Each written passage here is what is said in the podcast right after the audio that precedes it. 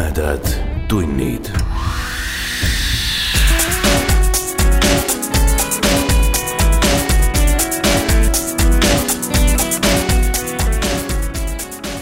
tere tulemast kuulama jutuvestmis podcasti Tumedad tunnid teist osa. mina olen saatejuht Priit Öövel. käes on kahekümne neljas detsember ja ma soovin teile kõigile häid päikesepühi. tahan tänada kõiki, kes meie esimest osa kuulasid ja võtsid vaevaks ka meie Facebooki lehte külastada. Praeguse seisuga on esimesel osal juba üle seitsmekümne kuulamise ja kaugel see sadagi enam on.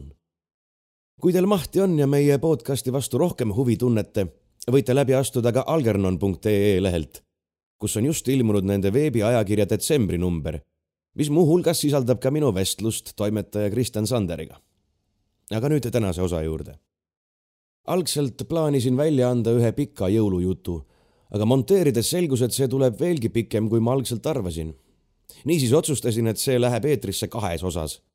esimest hakkate kuulma mõne hetke pärast siis jääb vahele üks ootusärv päev ja teine osa jõuab teieni juba kahekümne kuuenda detsembri õhtul.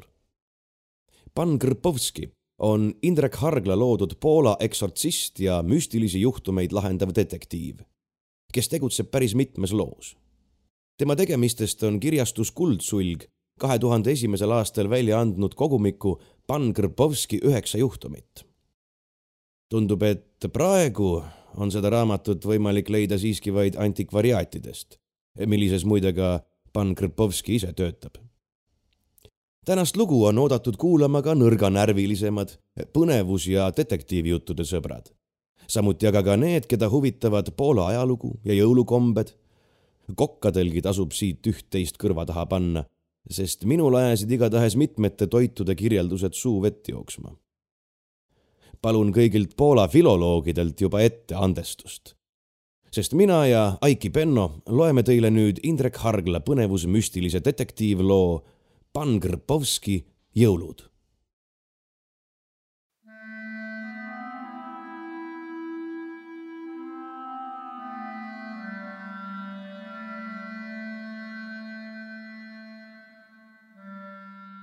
kõigepealt oli see kiri saabus ta kuueteistkümnenda detsembri hommikuse postiga.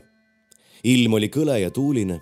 kirjakandja pan Kasimir Spartkovjak astus viivukeseks antikvariaati soojavarju, jõi tassi teed ja kurtis, et sõjahaav teeb selliste ilmadega eriliselt haiget.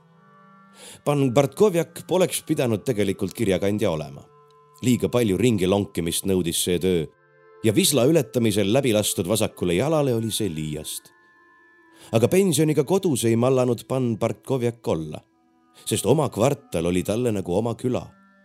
inimestega oli vaja rääkida, uudiseid teada, head nõu soovitada. kirjadega polnud kiiret, alati sai maha istuda ja sõnajuttu puhuda. tihti võttis ta ka posti ise kaasa, et ei peaks kontori või postkastini lippama.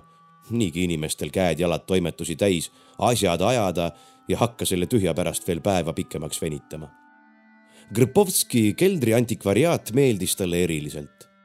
siit sai vahest ka lugemiseks raamatuid kaasa ja omanikku näisid ka kõik suusoojaks puhutud jutud huvitavat. pan Grpovski, hoolimata oma noorest east, oskas inimesi kuulata. oli üldse selline malbe ja kannatlik. täna oli pan Bartkovjakil tegelikult ka Grpovski juurde asja. esiteks tõi ta talle kolm kirja. Teiseks tagastas lugemiseks võetud Pan Stanislavi kolm raamatut. noh, ja kolmas asi oli tal veel ka. seepärast oligi ta antikvariaadi viimaseks peatuspaigaks valinud. varsti on lõuna käes ja võib minna sööklasse kapustijakki sööma.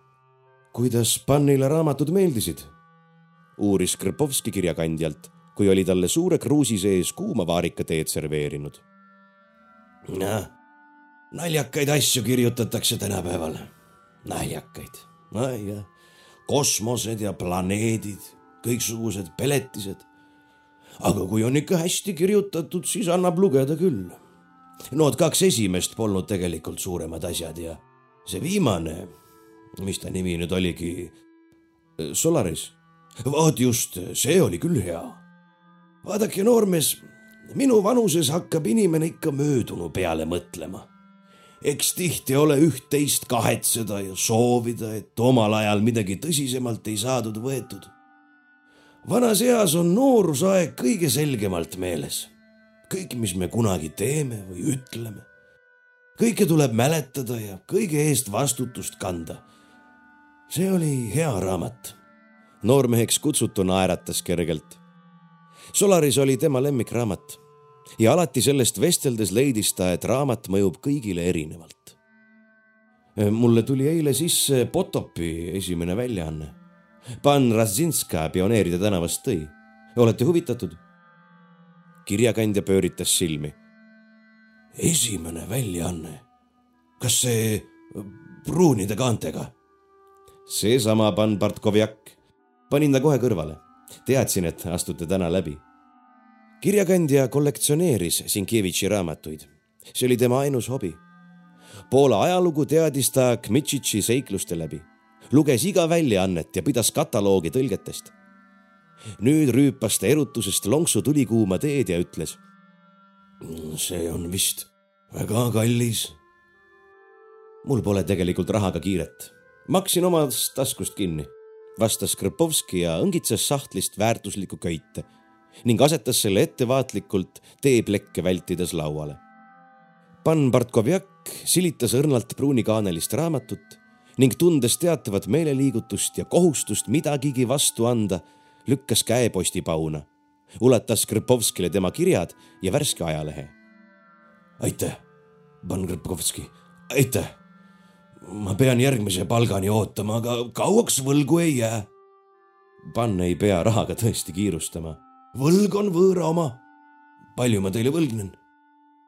ta vaatas, kuidas Krpovski kaks välismaiste kirjadega ümbrikku kiiresti sahtlisse asetas ja jättis enda ette lauale ainult Lõuna-Poolast tulnud kirja.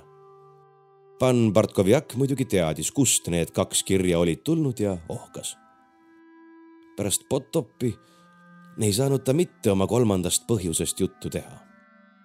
Teie teate Sienkiewiczi hinda minust paremini südametunnistuse järgi. oi jah, jälle see südametunnistus. sellele koputasid ka nemad, viisakad ülikondades noormehed. et vana sõjamehena peaks panna aru saama, et tegu on lihtsalt tavalise kontrolliga, et alati tuleb valvel olla. nojah, eks kõigil ole oma töö ja leiva teenib igaüks isemoodi. ajad on teised kui enne sõda midagi on paremini, midagi on halvemini aga Potop oli viimane piisk Pan Bartkovjaki karikasse. piisk, mis uputas sõjamehe südametunnistuse. ma vist tahaks teile midagi rääkida, ütles vana kirjakandja, siis veidi kõheldes. aga ma olen ju üksainus suur kõrv. jah, teate, parem kui te ei oleks. parem, kui te selle jutu väga ruttu unustaksite milles on siis asi? Pan Bartkovjak nihelis toolil, vaatas kõheldes ukse poole, kummardus siis antikvaarile lähemale ja ütles vaikselt. minu juures käisid seltsimehed. sõjakaaslased, te mõtlete? ei. kirjakandja tasandas veelgi häält. seltsimehed sealt, mõistate? Grbovski sügas kukalt ma arvan, et vist mõistan, aga mis see teisse puutub? puutub küll ja otseselt. Nad küsisid just teie kohta. nii vot. minu kohta ja teie käest ma ei saa aru. no aga võiksite saada. mina olen medalitega mees, Berliinis käinud ja nii edasi. Nende arvates tähendab see kuulekust riigi ees minu jaoks on medalid aga auasjad ja au ei tähenda tagaselja urgitsemist. Nad ütlesid, et te saavat välismaalt kirju, et nagu liiga palju või nii ja teadsid, et ma teie juurest ikka vahest läbi astun ja palusid, et ma noh, oleksin ise üks suur kõrv. mõistate nüüd? antikvariaadi raamaturiiulite vahele sigines vaikus siis pahvatas Pan Grpovski naerma see on ju mingi jaburdus. ärge öelge nii. välismaa on ikkagi välismaa. ja mina teie kirjade aadresse küll ei vaata. aga nemad ütlesid, et Lääne-Saksamaalt saate liiga palju kirju ja kirjutate ise sinna ka. ning välismaal käite tihti. mitte, et ma ise milleski kahtleksin või teid süüdistaksin, tulgu Bljutšitse jumala ema mulle tunnistajaks. aga sakslased, teate, on sakslased, kõik me oleme ühesugused inimesed. seda ütlevad kõik. aga seltsimehed palusid mul teiega poliitikast juttu teha et mida te sellest ja tollest arvate. palusid valvel olla. Grbovski raputas pead ja vaatas kirjakandjale siiralt otsa. kas te malet mängite, pan Bartkovjak? Malet? olen mänginud. poisikesena sai käigud ära õpitud, aga, aga ega ma neid enam mäleta. tuletage meelde, see on suurepärane mäng. mina mängin malet kirja teel kuidas kirja teel? no aga vaata nii, et teed käigu, kirjutad selle üles ja saadad vastasele. ja Kõrpovski selgitas kirjakandjale kirimale sisu, otstarvet ja võlu. Jutu käigus Pan Bartkovjaki nägu selgines ja muutus isegi rõõmsaks. ah, siis selles oli asi. aga kirimale käigus sigineb palju sõpru. tihti juhtub keegi niisama kirja kirjutama ja paneb selle koos käiguga posti ja minul on huvi maailma kõigi keelte vastu. nii ma siis palun neil oma keeles kirjutada ja tõlgin siin sõnaraamatutega. antikvariaadis liigub neid ju palju. nii siginevad sõbrad, sõbrad kutsuvad külla. Kuid kardan, et poliitikast pole teil tõesti mõtet minuga juttu teha. ma ei erista Vietnami sõda olümpiamängudest. minu maailm on vanad raamatud. no kuulge, pan Grbovski, ütles kirjakandja etteheitvalt ega te siis tõesti arvanud, et ma teie järele nuhkima hakkan? sõjamehe au ja medalid on mulle selleks liiga palju väärt.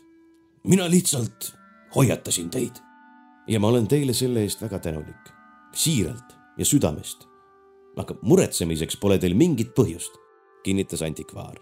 ma polegi muretsenud, aga hingel hakkas ikkagi kuidagi kergem enne jõule vaja kõik südamelt ära rääkida, eks ole. ei olnud minul plaaniski teie järele luurama hakata. sõja ajal sai seda tehtud küll ja, ja oma tunnen ma kohe kaugelt ära. ta vaikis hetkeks, rüüpas lonksu teed ja küsis siis. ega te kellelegi ütle, et ma. olge mureta. ma juba ei mäleta, millest me õieti rääkisime. Lemmist vist ja Potopist. õige jah tuli Pan Bartkovjakile jälle rariteet meelde ja ta kujutas ette, kuidas raamatu kodus riiulisse seab. täpselt sinna tema õigele kohale, kõige esimeseks. ma vist hakkan nüüd ka liikuma. Ärge siis pange pahaks. ei tule pähegi. uksel kirjakandja seisatas, kohendas oma postipauna ja ohkas ah,. sedasi on siis lood.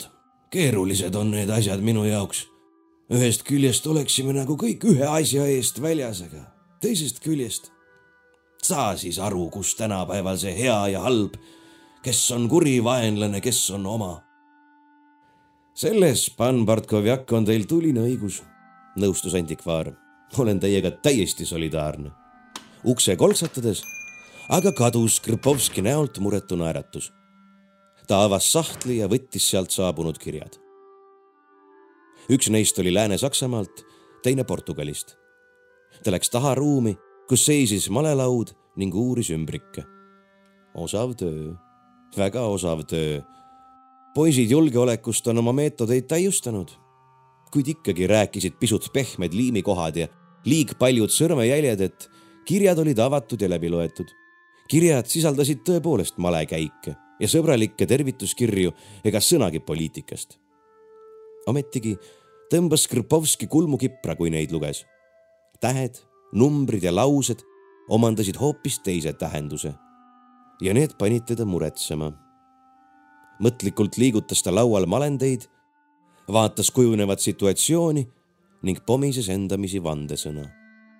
julgeoleku huvi tema tagasihoidliku isiku vastu oli ähvarduste kõrval, mille ta kombinatsioonidest ja kirjadest välja luges, köömes kuid ometi midagi sellist, mille üle tuli mõelda, millega tegeleda. samas oli kirjakandja visiit andnud põhjust ka rahuloluks. lõpuks ometi olid ennast ära tasunud sõbralikud suhted pan Bartkovjakiga. Nad ei mõtle ka kunagi midagi uut välja, ümises Krpovski endamisi. rindemees, sõjavang Siberis, siis Poola korpuses, Berliin, medalid ilmselt ka sidemed vastuluurega. just selliseid mehi sokutas Poola julgeolek kirjakandjateks, kingseppadeks, rahvale lähedale. Nende ausate meeste südametunnistusele sai rõhuda, neid kasutada. Oleks imelik, kui nad poleks alustanud vanast pant Kasimirist. varsti võib oodata kedagi joviaalset, kuid pisut häbelikku ja salatsevat härrasmeest, kes tunneb huvi uuema välismaise literatuuri üle juhuslikult on hiljuti naasnud komandeeringust Pariisi ja toob mõne välispoolaka keelatud raamatu. et kas sellele oleks ostjaid, et kas tuntakse huvi?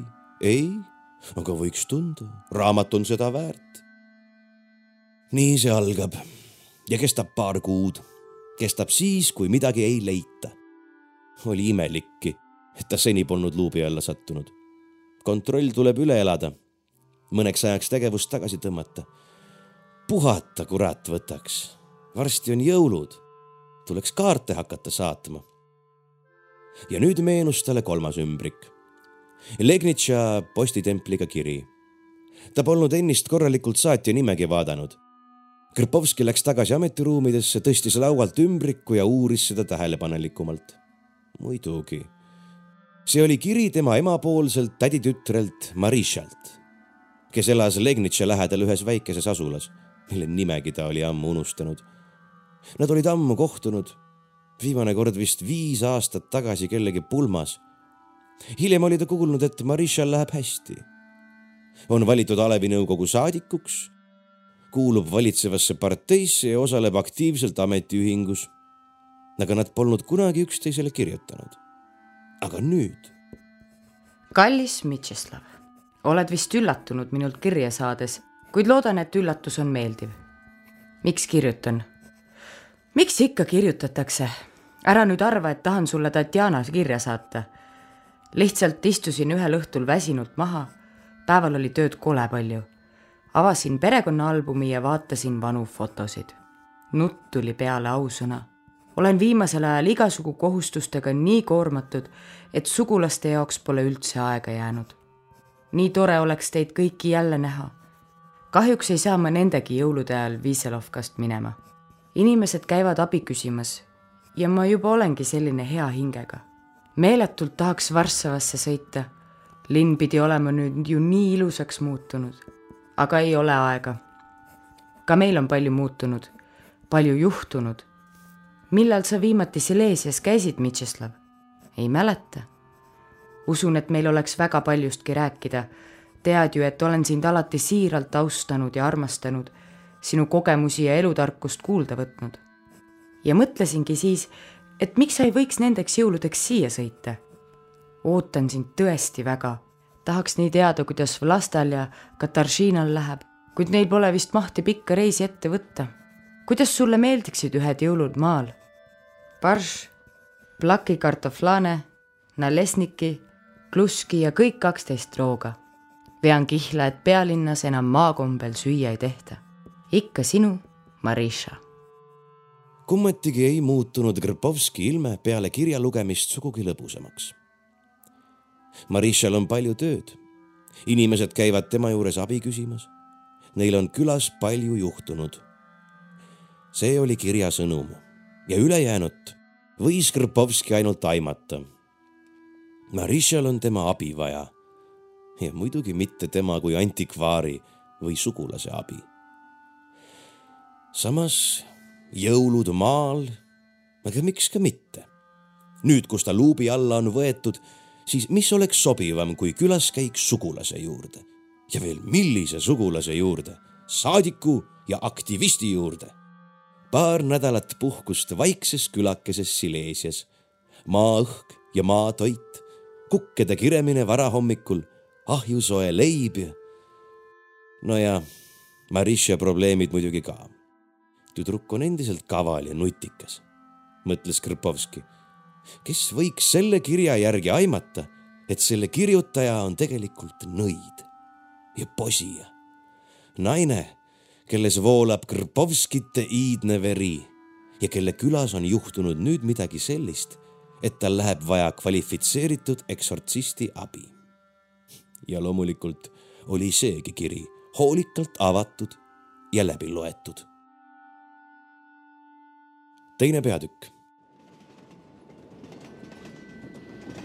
Varssavast rongiga Wroclawi, sealt bussiga Legnitšasse, kust vana Jaanus ta poloneesiga Viezolovkasse toimetab. terve ilus talvepäev tuhande üheksasaja kuuekümne neljandast aastast kulub selle sõitmise alla. aga kas polegi ta mitte mööda armast Poolat nii ammu reisinud? kas polegi ta nii ammu näinud ilusaid Sileesia künkaid, kuulnud seda kummalise kõlalist susisevat murret pidevalt toriseva onu Jaanuse suust. Aga see päev oli seda väärt. terve pika tee rongis istus Krpovski vaikselt vaguninurgas ja kuulas mõnu ja huviga, mida inimesed räägivad.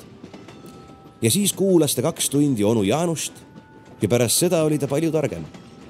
inimesed rääkisid jõuludest nii nagu nad teevad seda igal aastal. arutavad, millised ended täide läksid, millised mitte. kes tegi eelmine aasta kõige ilusama hälli. Siin Edela-Poola maanurgas olid vanad jõulutraditsioonid eriliselt elus ja hinnas. siin järgiti harda kohusetundega kombeid, mis linnades ammu unustatud või moest läinud kellel linnas on vaja teada, kas sinu tulevane mees on puusepp või kingsepp, kas saad mehele või mitte, milline ilm küünlapäeval on abielukaaslaste puudust linnas pole, nii nagu vanasti maal. ja kõik kenad kombed vajuvad unustuse hõlma. Poznani plikad ei käi naaberkorteri ukse taga pealt kuulamas. kui juhtud esimesena kuulma sõna mine, saad mehele. kui kuuled aga esimesena seisa, siis ei saa. Varssava näitsikud ei jaluta jõuluõhtul visla äärde ega topi kätt vette. komme ütleb, et kui veest juhtub pihku puutükk, on tulevane puusepp rauajupp tähendab seppa ja nii edasi. püha taevas. Vislast mehe elukutset mõistatavad tüdrukud peaks kõik keemikutele mehele saama, mõtles Krpovski. aga maal on vanad tavad elus ja neid kõiki kuuliski Krpovski rongis. ühtlasi sai ta ka palju ainest mõtisklemiseks. onu Jaanus ei jäänud Marisha juurde kauaks. talle ei meeldinud pimedas sõita aga Marisha oli Krpovski tuleku üle kohe väga-väga rõõmus. andis talle pika mopsuva musi põsele ja kallistas kõvasti. Ta elas Višelovka peatänavaks kutsutaval uulitsal ühekordses aia, kaevu ja kassiga majas. elas üksi, sest nii on nõidadele kombeks. Vidžma. loomulikult ei pruugitud seda sõna Marisha suhtes. keegi ei kutsunud teda niiviisi. ajad on nüüd teised ja võib-olla ka paljud ei teadnud aga Krpovski teadis. teadis, et tema ise ja see tema linalakk sugulane on iidse võimetega suguvõsa viimsed võsud, kes vanu tarkusi edasi kannavad. ise moel kummatigi. kui pan Mitšislav oli kohe peale sõda poisikesena linna juhtunud, seal vaimuliku seminarist läbi käinud ja alles siis, tõsi, ühe salapärase külalise mõjul oma ettemääratusest teada saanud ja ammustele kummalistele unenägudele ja tundmustele selgitust leidnud siis Marisha. Marisha oli oma võimetest teadlik olnud maast madalast. juba viieaastasena oli ta uhkelt vastanud, et tema tahab nõiaks saada. paljud panid selle muidugi ohtralt loetud muinasjuttude arvele ja pahvatasid naerma. mõned aga, mõned noogutasid mõistvalt ja ei tüüdanud tüdruku tirtsu enam. ei läinud Marisha suurde linna õnne otsima teadis, kuhu ja milleks saatus on teda määranud, jäi maale ja kasutas kõiki võimalusi, et oma tõelist kutsumust varjata.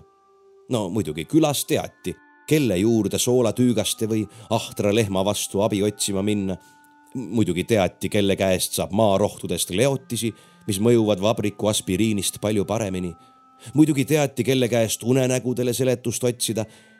aga Marisha ei olnud ainult posija Marishal oli veel üks imeline anne, mida Krpovskil endal ei olnud. Kui Mitšislavi teadmised, võimed ja oskused võisid kurjaga toime tulla, siis Marisha Kozidovska võis seda kurja näha ette tunda, ära aimata. vahest nimetati seda selgeltnägimiseks. eksortsistid aga kutsusid neid inimesi ütlejateks. ütleja polnud eksortsist. ei pidanud ta ka nõid olema. ta võis olla täiesti tavaline inimene, kel oma andest aimugi pole, kuni korraga. korraga nad näevad harilik ametnikust perekonna isa on laste ja naisega lõbusõidul. Nad peatuvad kena järvesilma ääres, lapsed jooksevad vette, kutsuvad isa järele. isa on aga kaldal soolasambaks tardunud. tõmbab lapsed veest välja ja kihutab autoga lähima telefoni juurde. ta helistab politseisse. kuulge, ma arvan, et siia järve on keegi uppunud. ja järvest leitaksegi luukere kohtumeditsiin leiab, et uppunu on järves oma saatuse leidnud kakssada aastat tagasi ja enne on talle kirvega pähe löödud. ja pereisa ei oska selle peale sõnagi kosta. või jookseb keegi surmani ehmunud inimene jälle politseisse, hirmuhigi otsa ees ja nõuab, et üks haud surnuaialt lahti kaevatakse. ta ei oska ega saagi oma soovi millegiga põhjendada teatab vaid, et jalutas surnuaial sellest hauast mööda ja kui sellest kuuleb eksortsist, kellel on vajalikud sidemed, käivitab ta ekshumeerimise. tihti seda ei juhtu, mõnikord aga siiski. haud kaevatakse lahti ja tavaliselt leitakse varjusurmas maetu. ütleja on vastuvõtu antenn, ilma saate võimaluseta. harva juhtub, et ütlejaks sünnib ka nõiavõimetega inimene. Marisha oli üks sellistest haruldustest ja kohe, kui Krpovski luges naise kirjast, et inimesed muudkui käivad abi küsimas. ka meil on palju juhtunud, meil oleks väga paljustki rääkida. teadis ta, et ütleja on midagi tundmas, nägemas, tähele panemas. ütlejate käest ei võta eksortsistid teenustasu. kolm tundi istusid nad Marisha piinlikkuseni puhtas köögis, jõid teed, sõid spinakit, pirukaid hapukapsa ja sibulaga ajasid juttu maast ja ilmast, tühjast täiest. Marisha oli meisterkokk. Spinakit valmistas ta ka Krpovski kadunud vanaema Ceciliast paremini. Spinak on supp, mida valmistatakse erakordseteks sündmusteks. kolm tundi aeglasel tulel podisenud spinat, hakitud loomaliha, kartuliviilud ja rohkelt maitseaineid. Krpovski sõi kolm taldrikutäit ja tema hing laulis. kui kellaaeg hakkas hilisemaks minema, tõi naine välja koduveinipudeli ja Krpovski pidi sedagi vastu tahtmist mekkima. Marisha võttis aga suure kruusi, jõi selle korraga tühjaks ja vaatas siis sugulasele pikalt otsa. oled sa, Mitšislav, tähele pannud, et imelikud asjad juhtuvad ikka kolme kaupa korraga? Krpovski raputas pead. Ma ei ole seda kunagi tähele pannud, aga kui sa nii ütled. on sul linnas praegu palju tööd? kauaks sa saad jääda? nii palju kui tarvis. võimalik, et ma saan ka siin töötada. aga antikvariaat? Vlasta hoolitseb selle eest. Vlasta oli Krpovski abikaasa, tumedajuukseline slovakitar, kes teadis mehe tegelikust elukutsest kõike. see oli olnud varane armastus. Nad abiellusid, kui mõlemad olid üheksateistkümnesed. Sõjajärgsel aastail sirguti kiiresti täiskasvanuks kaheksa kuud peale abiellumist sündis neil tütar. ma tahaks nii Vlastat ja Kataržinat näha. Nad peaks olema palju muutunud. ohkas Marisha. tervita neid, eks? ilmtingimata tervitan. ma tulen teile kunagi kindlasti külla, siis kui siin kõik korda saab. ohkas Marisha veel kord. vein pani ta palget punetama ja tegi silmad veelgi nukramaks. Mis sind vaevab? küsis Krpovski julgustavalt kolm asja, kolm seletamatut asja. ma kuulan sind. ma ei teagi, millest alustada. mõtlesin, et kui esitleda sind oma kauge sugulase pähe, kes tuli siia jõule veetma. no seda ma ju tulingi. jah, muidugi, pisut linnakärast puhkama ja nii edasi. äkki räägiks sa nende inimestega ise? Äkki tunned sinagi midagi? naine kõhkles räägi, Marisha, mis toimub? ah, ma ei tea. midagi on korrast ära. midagi on väga korrast ära. sügisel kukkus oma maja katust parandades pan Tadeusz Sidorski ennast surnuks. murdis kaelaluu ja oli paugu pealt läinud. selle surma üle ei kurvastanud eriti keegi. jah, pan Sidorski oli vanast mõisnike soost, oli krahv tegelikult, kuid nüüd ei tahtnud ega tohtinud seda keegi mäletada. Sidorski oli eluaeg elanud ihuüksi oma majas, endises Häärberis, nüüdseks kohutavalt lagunenud majas okupatsiooni ajal oli ta Armia Krajovaga koostööd teinud, seepärast teda peale sõda ei puudutatudki. elas ta tagasihoidlikult, sai pensioni, tõlkis prantsuse keelest luulet. Ta oleks võinud olla Višelov ka au ja uhkus, aga polnud seda mitte, sest pan Sidorski oli kuri. see polnud Marisha tähelepanek, seda teadsid kõik. on inimesi, kellest kõik eemale hoiavad, sest nad on õelad, kurjad tigedad. ometi polnud Pansidorski pealt näha sedagi. ta ei olnud sarimõrtsukas, ei peksnud naisi ega tagunud kasse jalaga. Ta ei joonistanud keldris põrandale pentagramme ega pidanud musta missat. vastupidi, Pansidorski käis korralikult kirikus, pihil isegi, annetas heldelt koguduse kassasse. aga ta oli kuri tema aias ei kasvanud ükski lill tema juurde ei jooksnud hulkuvad koerad süüa ulguma. tema katuserääste alla ei teinud linnud pesa. tal ei käidud külas, sest ta ei kutsunud kedagi, sest keegi poleks niikuinii tulnud. kus ta möödus, jäid inimesed kohmetunult vait. kui ta harva mõnele uksele lähenes, joosti talle lävele vastu, et kurjust mitte tuppa lasta ja räägiti lävel jutud ära. mõni tundis vanamehe kurjust rohkem, mõni vähem. Marisha tundis seda väga tugevalt. mõnikord valutas tal peale Pansidorskiga kohtumist pea mitu päeva. Kukkus Pansidorski ühel ilusal päeval oma katust parandades surnuks ja oli puhas õnn, et juhuslik möödakäija tema laipa märkas, selle tuppa lohistas, silmad kinni vajutas, linaga kattis ja arsti juurde jooksis. mõne aja pärast saabus Višelovkasse Pansidorski ainus pärija, Jaroslava Sidorska. ta oli kuri küsis Krpovski. jah, ta oli paha ja me teadsime seda. Ma ei usu, et ta oleks kunagi mõne inimese tapnud, vaevalt sõja ajal sakslastki, selleks oli ta liiga arg. ja te ei armastanud teda, ümbruskonna ainsat aadlikku? armastanud, me jälestasime teda ja olime vist õnnelikud, kui ta suri. ma arvan, et julgen seda öelda mm.. oli tal midagi viga? ma mõtlen, kas tal olid topelthambad, sündis ta hammastega, oli seitsmelapselisest perest, midagi seesugust. noh, mitte päris. tal olid kulmud kokku kasvanud, kuid see polnud peamine. kuri inimene. keegi, kellele keegi midagi ette heita ei saa, kuid kelles kõik kurjuse ära tunnevad. tead, ma arvan, et saan aru, mida sa sellega mõtled. ma lootsingi, et sa saad. toas oli vaikne hubane ja mõnus. Akna taga ulgus tuul ja lendlesid mõned lumeräitsakad. selliseid inimesi on ikka olnud, sõnas Krpovski mõtlikult, kui Marisha jälle veini rüüpas. me nimetame neid emissarideks. nii nagu sünnitakse eksortsistideks ja ütlejateks, sünnitakse ka emissarideks.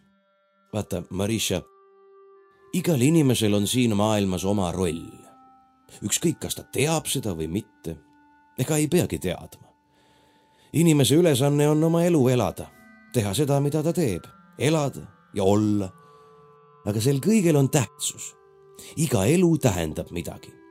mitte ainult kunstnikud, väejuhid ja poliitikud ei jäta maailma jälge maha. me kõik jätame. ja meil kõigil on mingi ülesanne. imelik on see, et Sidorski oli kuri ma ju tean seda. Aga ta ei teinud midagi kurja. ütleme parem, et ei jõudnud teha. sa mainisid tema sugulast. mis temaga on? ja juba kolmandat korda pani Kositovska ohkas sügavalt. see ongi see esimene imelik asi. tal on luupainaja meie kangelased kasutavad nüüd ja edaspidi luupainaja tähendamiseks poolakeelset sõna košmaar autori märkus. Ma tahan, et sa temaga kohtuksid. ons tema ka kuri? Jarošja, me oleme parimad sõbrannad. ta tuli maale tagasi, tuli siia elama, ta on arst, elas enne lodžis, kuid seal on arste küllaga ja tal sai just suunamisaeg läbi. siis suri tema kauge vanaonu Tadeusz, keda ta vist kunagi kohanudki pole. maja pärandus talle, ta tuli siia ja talle hakkas siin meeldima ning ta otsustas jääda. Meie arst Pan Kowalski läheb ju järgmisel aastal pensionile ja Jaroslava elab nüüd ihuüksi krahv Tadeuši lossis ja tal on luupainaja. krahvidest ja lossidest on asi kaugel. sa vist pole seda hurtsikut näinud? olen, aga ei mäleta, see oli ammu. noh, maja on küll suur, kuid kohutavalt käest lastud. hea, et Pan Tadeuš katuse parandamisega enam-vähem lõpule jõudis. Aga tasapisi Jaroslava seal kohmitseb. inimesed lähevad talle ka hea meelega appi ilma rahata ja eks tema siis vastutasuks neid tohterdab. Ehm, luupainaja, tuletas Krpovski Marissale meelde. naine võttis veel lonksu koduveini ja vaatas suurt seinakella. pool üksteist. siis avas ta oma köögilaua sahtli ja võttis sealt Wroclawi kangelaste allee pildiga taskukalendri. vaata. ulatas ta kalendri Krpovskile. Punasega on märgitud Jaroslava luupainaja ööd eksortsist uuris tähelepanelikult kalendrit.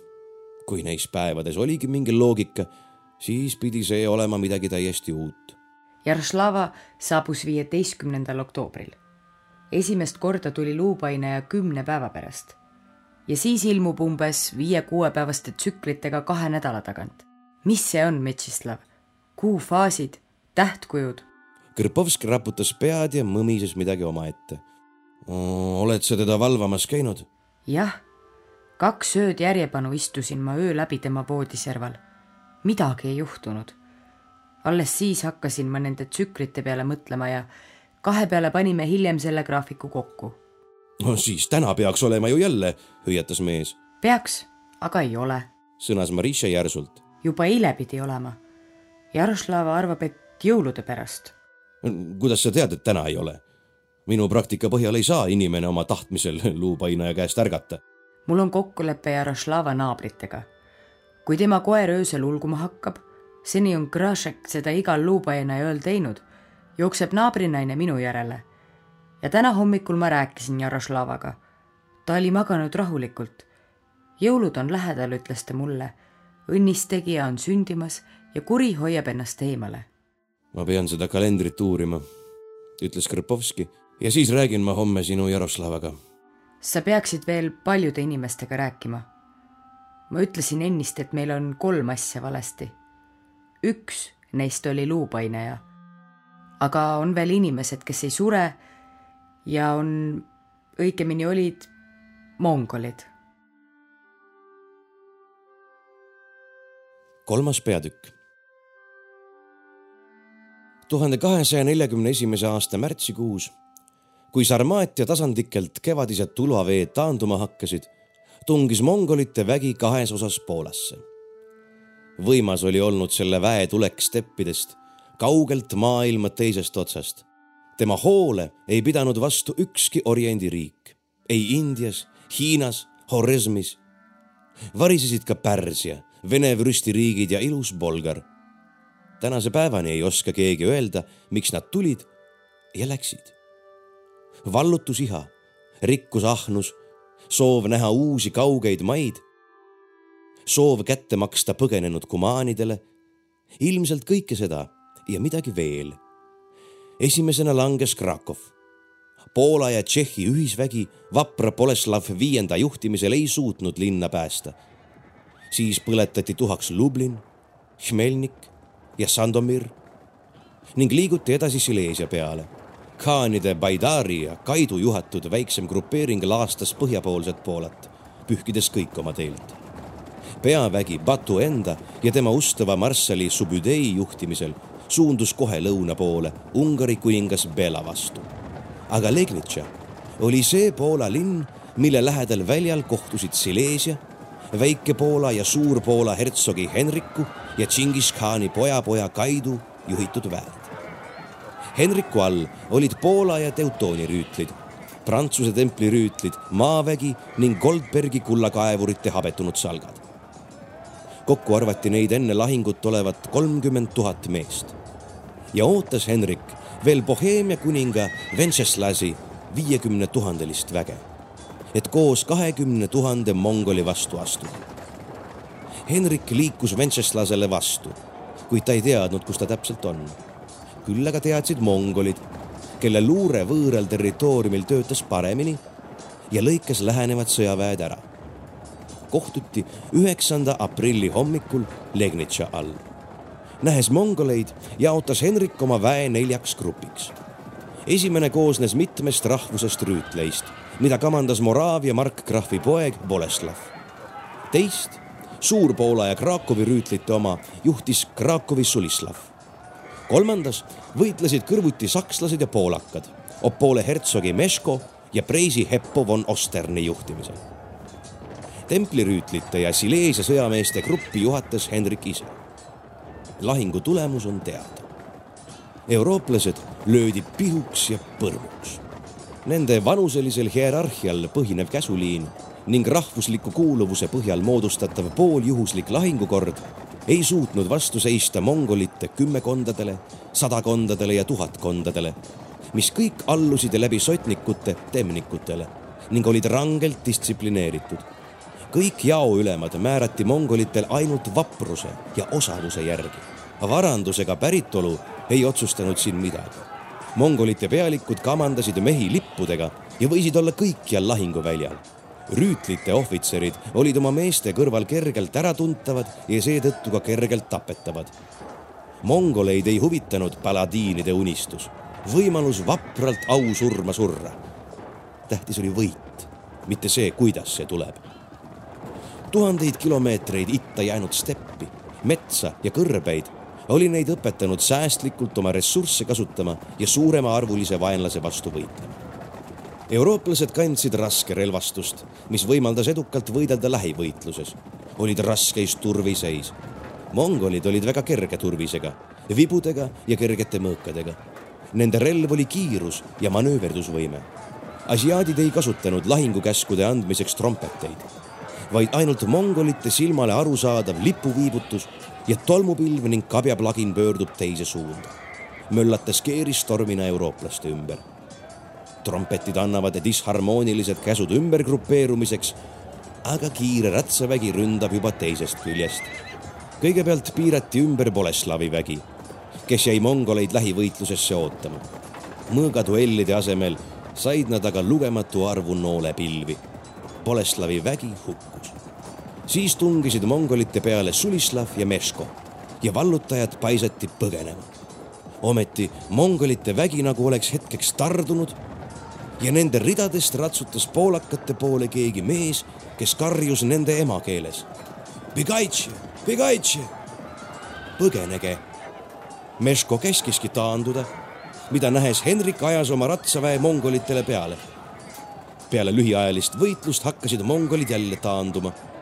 Ajaloolased arvavad, et eurooplased langesid siin asiaatide lahingukavaluse ohvriks. Euroopa uhkete kuningakodade rüütlid ei tundnud vale põgenemist kui taktikalist võtet. au oli kõik, mis tähendas. aga pöörates pealtnäha meeleheitlikule taganemisele meelitasid mongolid rüütliväe oma kannule ja lahutasid nad maaväest. seejärel pöördus taganev vägi ümber ja korraga olid rüütlid piiramisrõngas, sest ka külgedelt lähenesid neile ratsanike salgad, kes ei hakanud nooltega pantserite kallale mässama, vaid lasid hobuseid. jalameheks tehtud rüütlid oli kerge saak. siis lasti veel lahinguväljale suitsu, eurooplaste jala ja ratsaväe vahele. see arvatakse olevat hiinlaste kavalus rüütlivägi sai haledalt lüüa. Hendriku pea raiuti põgenemisel maha. Vastavalt vanale kombele lõikasid mongolid kõigilt tapetutelt kõrva. Neid saanud kokku üheksa suurt kotitäit, kakskümmend viis tuhat tükki. seejärel pöörasid mongolid oma väe lõunasse, ühinesid Batuga, rüüstasid Tatrat, Boheemiat ja Ungarit ning naasesid steppidesse igaveseks et mitte kunagi enam tagasi tulla. Seda kõike meenutas tuhande üheksasaja kuuekümne neljanda aasta kahekümnenda detsembri ööl Mitšislav Krpovski. kui ta Marisha pisukeses tagakambris küünlavalgel kaasa võetud raamatuid ja kalendrit uuris. naine oli läinud juba ammu magama ja ühtki Jaroslava naabrit ei ilmunud. luupainaja puhkas täna. aga Krpovski ei saanud veel puhata sest Marisha jutustus Ulan-Batori Teaduste Akadeemia arheoloogide hiljutisest ekspeditsioonist Legnitša lähedale oli temas jälle meelde tuletanud vanad lahendamata mõistatused. raamatukogu täied teoseid on kirjutatud mongolite kallaletungist Euroopasse ja kõik ajaloolased on osanud osavalt mööda vaadata Krpovski jaoks kõige olulisematest küsimustest. teist korda tulid mongolid tuhande üheksasaja kuuekümne neljanda aasta kaheteistkümnendal juulil. neli teadlast, neli ajaloolast, arheoloogi, hulganisti üliõpilasi Legnitšast ja Wroclawist, paar dotsenti Varssava ülikoolist. Marisha kui külanõukogu saadik oli määratud neid tervitama. Legnitša lahinguväli jäi Višelovkast viie-kuue kilomeetri kaugusele. Nad kaevasid, leidsid lugematus koguses nooleotsi, mõõgapidemeid konte, rõngas hamejuppe, kõike, mida võis arvata, et nad leiavad.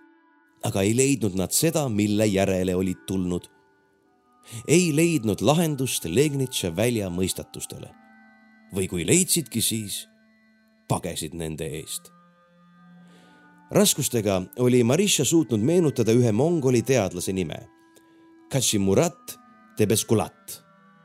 tegelikult oli ta uiguur ja üldsegi mitte ainult arheoloog kuigi natuke seda ka, vaid Mongoolia parim šamaan ja eksortsist. Nad polnud kunagi kohtunud, polnud ka kirimalet mänginud, kuid Krpovski oli lugenud tema traktaati Gobi libarebastest.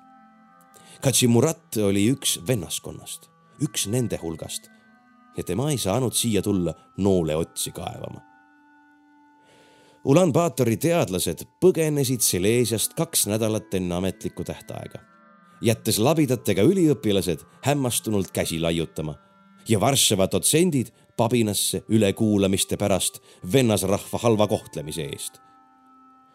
lõpuks kirjutati ilmselt kõik asiaatide veidra meelelaadi arvele. kaevandid aeti kinni ja mindi muuseumitesse nooleotsi mudast puhastama ja katalogiseerima. Marisha oli näinud Katšihmurati mongolite lahkumise päeval. ütleja tunneb võimetega inimese tavaliselt ära. juhul kui ütleja on ka ise pisut nõid, nagu Marisha oli. sadas vihma. Nad seisid hetkeks Legnitša väljal üksteise vastas, lühike naine ja temast veel lühem mees, ega pannud hoovihma tähelegi. Nad mõlemad tundsid hirmu. vigases vene keeles oli mongol Marishalt küsinud kas sa elad siin? jah, oli Marisha vastanud. kas sa tead, et siin kuri? ma tean, aga ta elab siit kaugel. ei, siin, siin on neljakümne ida musta vaimu üks värav. tead, mis see on? loomulikult Marisha ei teadnud, kuid Krpovski aimas, mida uiguur selle all mõelda võis. mina liiga nõrk, oli uiguur edasi rääkinud Pole õiget asja kaasas, aga siia jääda ei saa. hakkab külge. juba teab minu nime. kaua ei ela enam. ja Mongoolia teadlased põgenesid Silesiast, sest teadsid, et vana šamaan ei valeta. ja kui siin midagi karta on, siis on see tõeline. Neist jäi maha külm hirm, mida ütleja Marisha siiani enda sees kandis.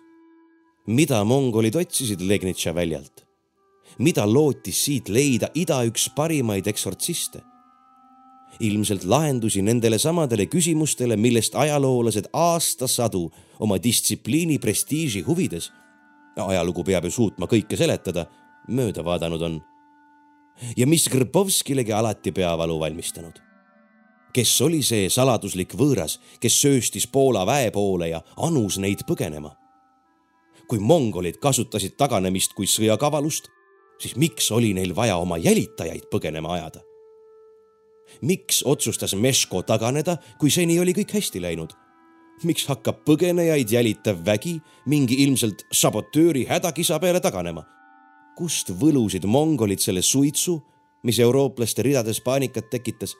kirjutada see hiinlaste sõjakavaluse ja tehnika arvele oli pelgalt tõestamata oletus. mongolid tungivad Poolasse, olles enne terve talve Vene steppides jõudu kogunud ja taastunud, olid saatnud oma spioonid Euroopasse. Nad teadsid, mis neid ees ootab ja nad võidavad poolakate ja sakslaste ühisväe, löövad selle pihuks ja põrmuks Nende ees on valla Põhja-Euroopa avarad tasandikud, kust nende ratsavägi kerge vaevaga läbi läheks. ees on rikkad Saksa väikelinnad, ohtrasti kerget saaki. aga mongolid pööravad oma ratsud lõunasse, kaovad Poolast ja ronivad Tatratesse ja edasi Mägisele Balkanile, Dalmaatiasse ja Horvaatiasse. purustavad nagu mööda minnes ungarlased ja kumaanid ning kaovad tagasi steppi ei raasugi vallutajate ja võitjate käitumisest, mis neile Venemaal ja Aasias nii omane oli. ei jäeta alistatud maadele garnisone ega asevalitsejaid. miks nad ei rüüsta kaitseta rikkaid saksa linnu, vaid ronivad vaesemale maale ja pealegi mägedesse, nagu oleksid nad oma ülesande Euroopas täitnud. peale lahingut Legnitsa väljal jõuab Prantsuse kuninga Louis Üheksanda juurde põgenenud templirüütlite saadik ta ütleb oma kuningale, et ei enam ühtki piisavalt tugevat väge seisa mongolite ja Prantsusmaa vahel. maa on kaitseta ja vallutajatele valla. seega, vastab Louis, saadame meie tatarlased tagasi põrgusse, kust nad tulnud on. või saadavad nemad meid paradiisi. Euroopa kuningakojad vahetavad omavahel ärevaid kirju. kõik kutsuvad kõiki appi. tatarlased on korraga kõigi pealinnade väravate all kuid mingeid väegrupeeringuid ei sünni. ühisväed jäävad loomata. hirm on liiga suur, et kaugele sõjakäigule minna. Poola kogemus on õpetlik. ükshaaval hertsogi riike noppides vallutanuks mongolid peagi poole Euroopat. vallutanuks. aga ei teinud seda eksortsistide liiga oli alati arvanud, et mongolid tõid midagi Euroopasse ja siis lahkusid, jättes maha oma kingituse neljas peatükk. kahekümne esimese detsembri hommik oli soe ja vihmane. eelmise õhtu lumest polnud jälgigi. Kogu Višelovka teadis juba, et pani Marishale oli pealinnast sugulane külla sõitnud. seetõttu oli nende tee Sidorski maja juurde aeglane. ikka pidasid inimesed neid kinni, küsisid uudiseid, soovisid Varssava pannile häid jõule, tegid ristimärgi, pärisid tervise järele Krpovski tundis ennast esmalt oma talvepalitus ja kunstnahas kaabus väga pentsikuna, liiga linnalikuna, et kohalike usaldust võita. Kuid Višelovka külaelanike usaldus Marisha vastu murdis kõik tõkked. ta võeti kiiresti omaks. tee oli kitsas ja porine. seda ääritsesid ühekordsed puust valgeks võõbatud tüüpilised Lõuna-Poola talumajad, tihedalt tee ääres reas, kõigil kirevad jõuluvanikud aedadele riputatud tänavanurkadel ja platsidel seisid ehitud kuusepuud. puuokstel rippusid õunad, pähklid, kommid. vanikud olid tehtud samuti kuuseokstest. Nendel puust ehted. Silesias armastati kõige rohkem kolme kujundit, süda, teekannu ja inglit. süda sümboliseeris armastust, teekann külalislahkust ja ingel igavest elu. kahte esimest väärtust koges Krpovski siin igal sammul kolmandat võis ta ainult kõigile soovida. majade ümber olid tokkidest ehitatud madalad aiad. usuti, et kui tüdrukud jõuluõhtul kirikusse lähevad, silmad rätiga katavad ja pimesi aiateibaid katsuvad, võivad nad oma tulevase mehe iseloomu ette aimata. kui teivas juhtub olema sirge ja sile, on seda ka abikaasa iseloom. kõver ja kare teivas tähendavad kohmakat ja tigedat meest no räägiti muidugi ka, et dokid mitte ainult iseloomu ei näita. jõulud on Poolas perekonna kogunemise ja järelemõtlemise aeg. ja jõuluöö on ikka veel imettegev öö. Loomad võivad inimkeeli rääkida, inimesed saavad võime tulevikku ette näha. see, mis jõuluõhtul, vigiilial ennustatud, läheb alati täide. rahvas külatänaval oli rõõmus, elevil ja heasüdamlik siiski ei veedetud tänaval niisama aega kõik olid kuhugi tormamas ja askeldamas. Vigilial süüakse vana kombe kohaselt kahteteistkümmet rooga järjest. tähistamaks iga kuud aastas. Ja kuna poes oli produktidega kitsas nagu alati, tuli rohkem rõhku panna isiklikele varudele. mida polnud endal, seda võis naabri käest hankida. kuna liha niikuinii lubatud ei ole, oli rahval ka lihtsam. vigiilia toidud tuli kõik koguda aiast, jõest, põllult. kaksteist toitu on perenaisele raske katsumus ja nende ettevalmistamisega oldi juba ametis. mehed tuulutasid maju, parandasid kõike, mis parandamist vajas. Igalt poolt kostus haamrilööke. korstendest tõusis paksu suitsu, õhk oli selle vingust paks. suuremad majapidamised pidid suurpuhastusega juba mitu päeva enne kahekümne neljandat detsembrit algust tegema. tava ütles, et vigiilial tuli kogu maja hoolega puhtaks küürida kurjuse jõud jäävad elama just kohtadesse, mis mustaks jäetud. naistele tähendas see ka kogu riide ja pesutagavara pesemist. Varahommik oli juba möödas. see tähendas, et inimesed olid kirikust tagasi. nelja advendinädala ajal, mis sümboliseerivad nelja tuhandet aastat maailma loomisest Kristuse tulekuni, peetakse kirikus igal päeval kell kuus hommikul missat, roratit advendi usuline rangus pidi inimesi aitama psüühiliselt ja vaimselt ette valmistada. tegelikult oli see komme Kristusest palju vanem. Talvist pööripäeva peeti iidsetest aegadest saati imettegevaks ja just neil lumevabadel pikkadel õhtutel tehti talveks ettevalmistusi.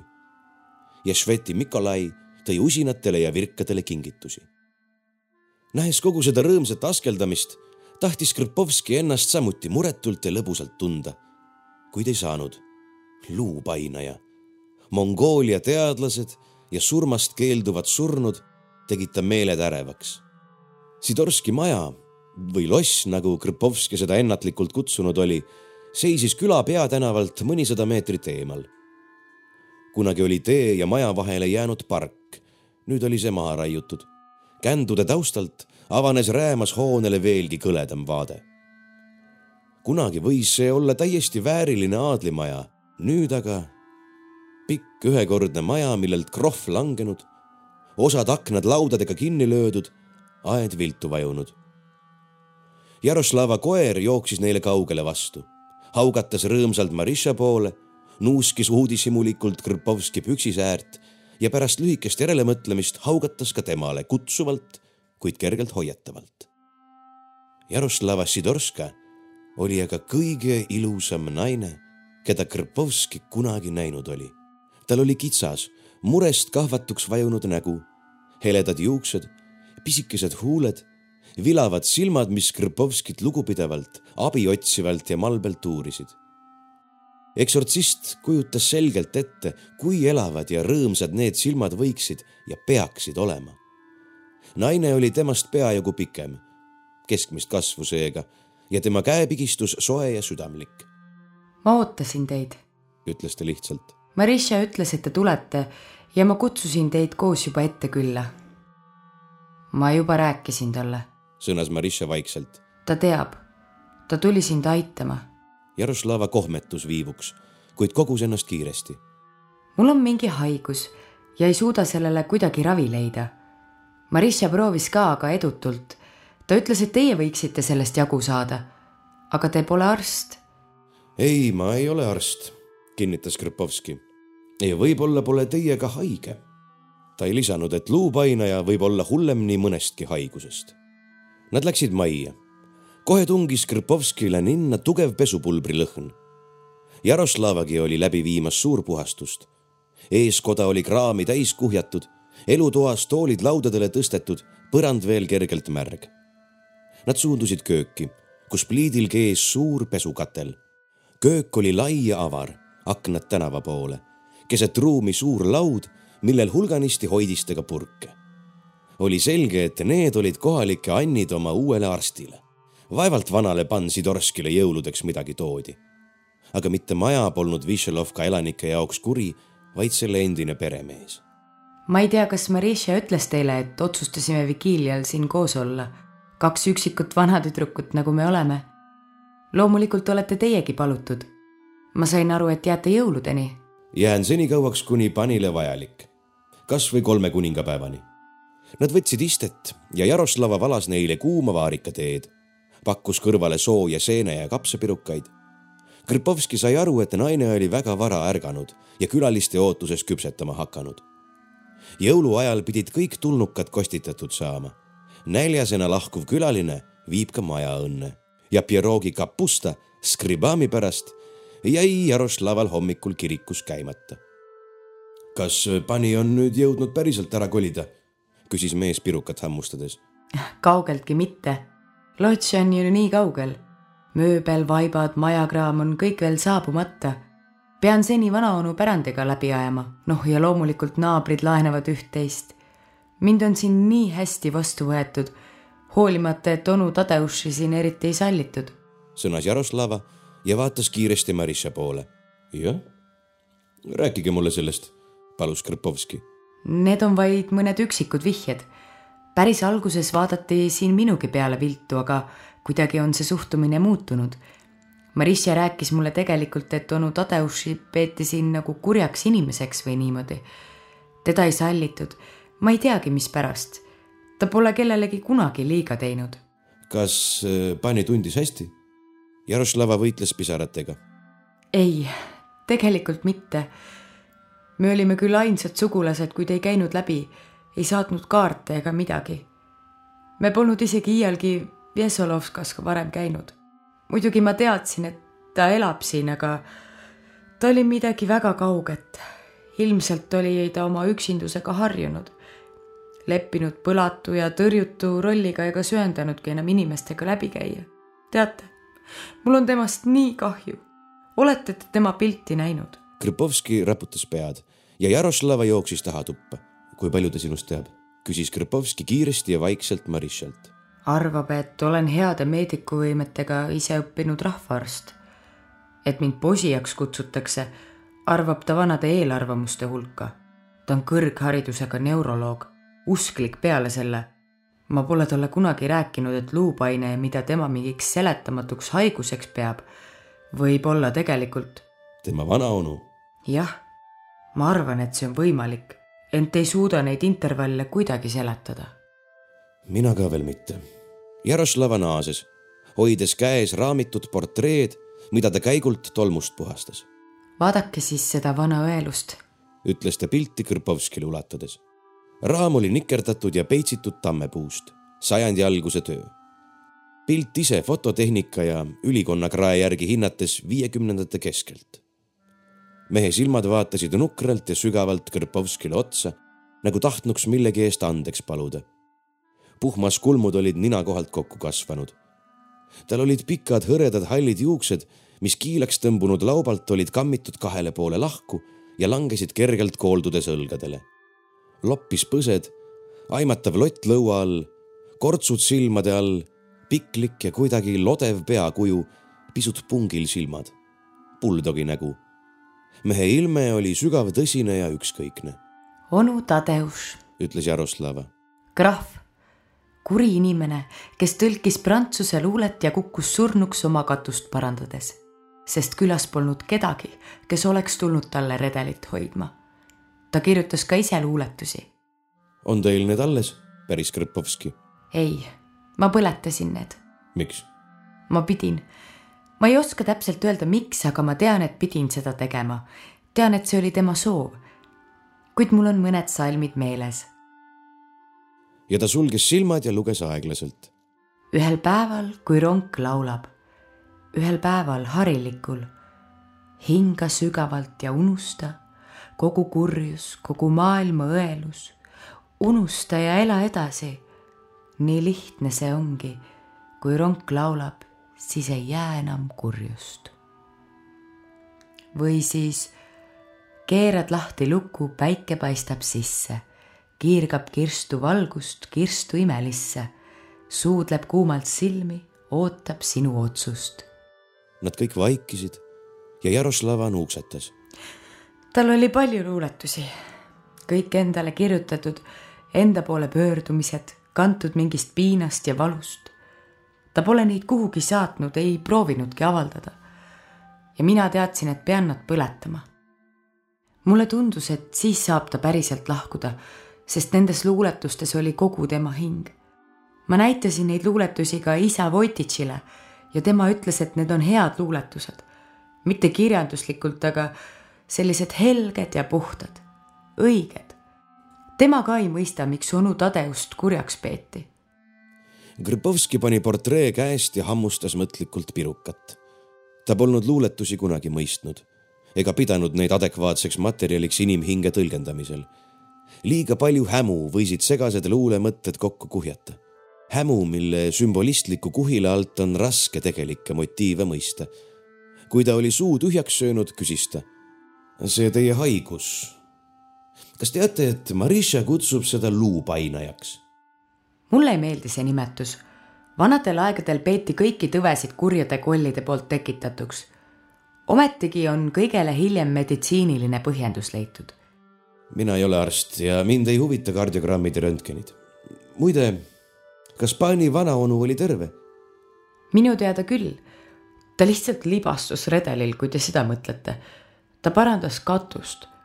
tema tegi ju ka vigiiliaks ettevalmistusi. Ta nii armastas jõule, ootas neid. kuidas saab inimest, kes jõule armastab, kurjaks pidada? Grpovski vahetas Marishaga pika tähendusrikka pilgu. räägime nüüd parem luupainajast, pakkus Grpovski. mul on siin üks graafik, mille te koostasite. see on üsna ebaharilik, lubage mul öelda. luupainaja ilmumine ei allu ühelegi looduslikule või astronoomilisele seletusele. tal on oma sagedus, millest ma aru ei saa. Ja kui soovite seda haiguseks pidada, lõpuks on see teie enda asi siis proovige seletada haigust, mis alati reedeti ilmub ja neljapäeviti kaheks nädalaks kaob. aga eile ja üleeile? sekkus Marisha ja just enne jõule teeb väikese pausi. jõulud, meie õnnistegija sünnipäev. ei puutu üldiselt asjasse. Te olete ju ülikooliharidusega. Mis lugu võib luuvalul olla väidetavalt kaks tuhat aastat tagasi sündinud juudi kultuuri ja ühiskonna tegelasega? katsuks leida ikka pisut maalähedasema seletuse. niisiis, mida see meie luupainaja endast kujutab? Jaroslava sulges silmad, hingas tugevalt sisse, tõmbus viivuks taburetil sirgu ja lõdvestus siis. ettevaatlikult seadis ta sõnu ritta, nagu ideaalne patsient arsti juures, rääkides püüdlikult ainult asjast. alguses ma nagu ei pööranudki sellele tähendust. võõras koht, külmad ilmad, ärevus ikka juhtub, et siis halvasti magatakse. alles mingi aja pärast, kui valu öösiti tugevnes, hakkasin tagasi mõtlema ja mõistsin, et kannatan juba ammu. tähendab, alguses oli see nagu nõrgem ja järjest läks tugevamaks? vist küll. detsembris on kõige hullem olnud. Kui ta oleks algusest peale niimoodi piinanud, siis. selge, rääkige edasi. magan, magan alguses rahulikult. harilikult näen mingit und hakkan tundma valu, alati mitte kontides, pigem nahal. saan aru, et peaksin ärkama, kuid ei suuda. valu suureneb, selline painav ja üle keha kulgev valu. ma ei tunne otseselt muljumist, pigem mingit urgitsemist või torkimist. ka unenäod muutuvad õudseteks, vägivaldseteks. ma ei mäleta neid. ärgates olen üleni märg, kogu keha valutab mõistan, et tegelikult on valu üle läinud ja see on vaid mingi järellainetus, kehaline mälestus. pea valutab ka, oleks nagu midagi üle elanud, kuid ei mõista, mida. millal pani tavaliselt ärkab? vara, praegu peaaegu viie ajal. ma lähen vara magama ka. on see pikaajaline harjumus? vara ärgata, ma mõtlen. Jah, ma töötasin ju haiglas. arsti uni on tavaliselt habras kohusetunne sunnib ärkama iga väiksema krõpsu peale. kuid selle luu haigusega ma ei suuda ise ärgata. ma kuidagi hooman, et peaksin ärkama, kuid see pole võimalik. ma pole veel oma unenägusid lõpuni vaadanud. no aga kuidas te siis ärkate? kella peale loomulikult. äratuskella? jah, muidugi, heliseb täpselt viis null null, et kirikusse jõuda. Äratuskell hmm., huvitav väga huvitav. kas luupainaja on teil ikka veel kallal, kui kell heliseb? ma ei tea, lihtsalt kuulen kella ja ärkan. ja muud moodi pani ei ärka? naine kehitas õlgu. ei, vist mitte. aga oled ju küll, Jaroša. hüüatas Marisha. üle-eelmisel nädalal, mäletad? siis, kui sa voodist maha kukkusid. kukkusite voodist välja? Jah, ilmselt ma vähklesin kõvasti ja pole uue voodi paigutusega veel päriselt ära harjunud. seina ja voodi vahele jääb öökapp. kukkusin välja, lõin pea ära ja ärkasin. muhk on siiani alles. rohkem ta sel ööl ei tulnud? ma ei läinud enam magama, keetsin teed ja ravisin muhku. kas pani juhataks mind oma voodi juurde? pani, küsis Krpovski kui süütult ja asjakohaselt see küsimus kõlas. Kuid ilmselt ei pakkunud pani Jaroslava säng Krpovskile suuremat huvi. ta silmitses seda mõned hetked ja lasi seejärel silmadel toas ringi käia. see on magamistuba, eks? olete siin muidu vähe? peamiselt olen ma köögis ja elutoas. muidugi liigun kogu majas palju ringi, siin on nii palju ripakil, kõik vajab kohendamist ja parandamist. kas siin toas muidu ei teki mingit imelikku tunnet? ei. aga sinul, Marisha? Ma ei tea. kõhkles Marisha. midagi siin on. no hästi. Lähme siis elutuppa. elutuba oli väga suur ja tühi. aknad avanesid maha reiutud pargi poole. kardinaid ei olnud. ruumi ühes seinas seisis raamaturiiul, millelt raamatud põrandale tõstetud. oli näha, et naine tegeles nende puhastamisega. riiuli kõrval oli uks akendite seinas seisid üksteise kõrval mitu vanaaegset kappi. Kuidas siin on, Marisha? küsis Krpovski ja mõtles, et ta on nagu nuhk oma koeraga, kes üritab lasta tal jälge üles võtta. samuti mitte. see on puhas ruum. kas te siin toas pole kunagi maganud? päris Krpovski kiiresti edasi. kuulge. Jaroslava vaatas oma kaaslastele pisut ebalevalt otsa. mis tähtsust sellel on, kus ma magan või kuidas ärkan? kas te tõesti arvate, et sellel kõigel on midagi pistmist ümbritsevaga? asi peaks ju minus olema. Tema kaunid silmad läksid suureks ja suunurkades mängles midagi naeratuse taolist. Kõrpovski ei vastanud talle, vaid põrnitses süngelt kappe. mis seal on? kappides, kõiksugu kilakola, vanu raamatuid, olen nendes parasjagu korda loomas. puhastan riiuleid hoian seal oma majapidamistarbeid, arstiriistu, riideid. mis tähtsust sel on? Kas siin ruumis ta pole tul-? miks te kogu aeg tema ütlete? see on haigus, see. peaaegu hüüdis Jaroslava. Kõrbovski kratsis kukalt. tegelikult tahtsingi ma küsida, et kas te pole siin muud ebaharilikku tundnud? siin majas, ümbruses, olete? ei, jumala ema nimel mitte midagi ebaharilikku olgu, väga hea. ja siin toas? ma pole siin maganud ega muud ebaharilikku tundnud. Hästi pani. ja nüüd veel mõned ebameeldivad küsimused. küsige. Krpovski vaatas abi otsivalt Marisha otsa. too muigas kergelt ja pööras pea ära. ta teadis, mida Krpovskil oli tarvis küsida, kuid küsima pidi mees ise. lõpuks on tema ju eksortsist et äh, läheks äkki kööki tagasi, arvas Krpovski ja jooks veel ühe suurepärase tee. nii nad tegidki. pirukad olid vahepeal jahtunud ja Jaroslav asetas nad külaliste tõrkumisest hoolimata ahju. ma saan aru, et pann tuli mulle appi, ütles Jaroslava, kui ahju juures askeldas. ja pean vabandama, et ennist nii tõrges olin. tegelikult olen teile väga tänulik.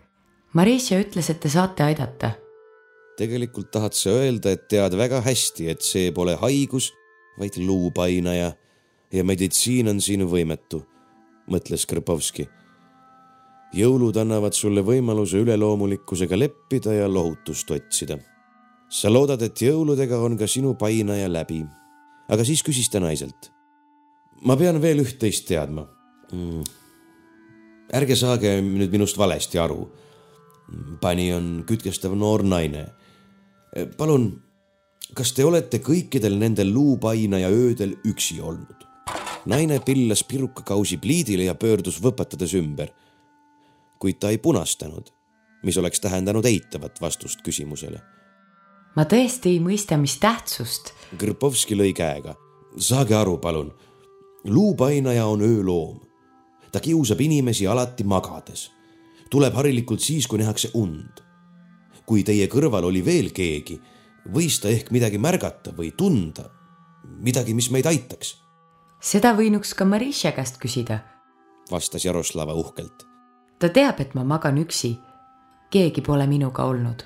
ja te olete kindel, et pole luupainajat näinud? midagi pole vilgatades põgenenud, kui olete kellahelina peale ärganud ja tule süüdanud? oli hea, et naine ei olnud pirukavaagnat taas kätte võtnud. muidu oleks ta selle jälle pillanud. nüüd ahmis ta õhku. lõpuks raputas ta pead Grpovski soovis siis Jaroslavale head aega ja jättis veel viivuks Marisha seltsi.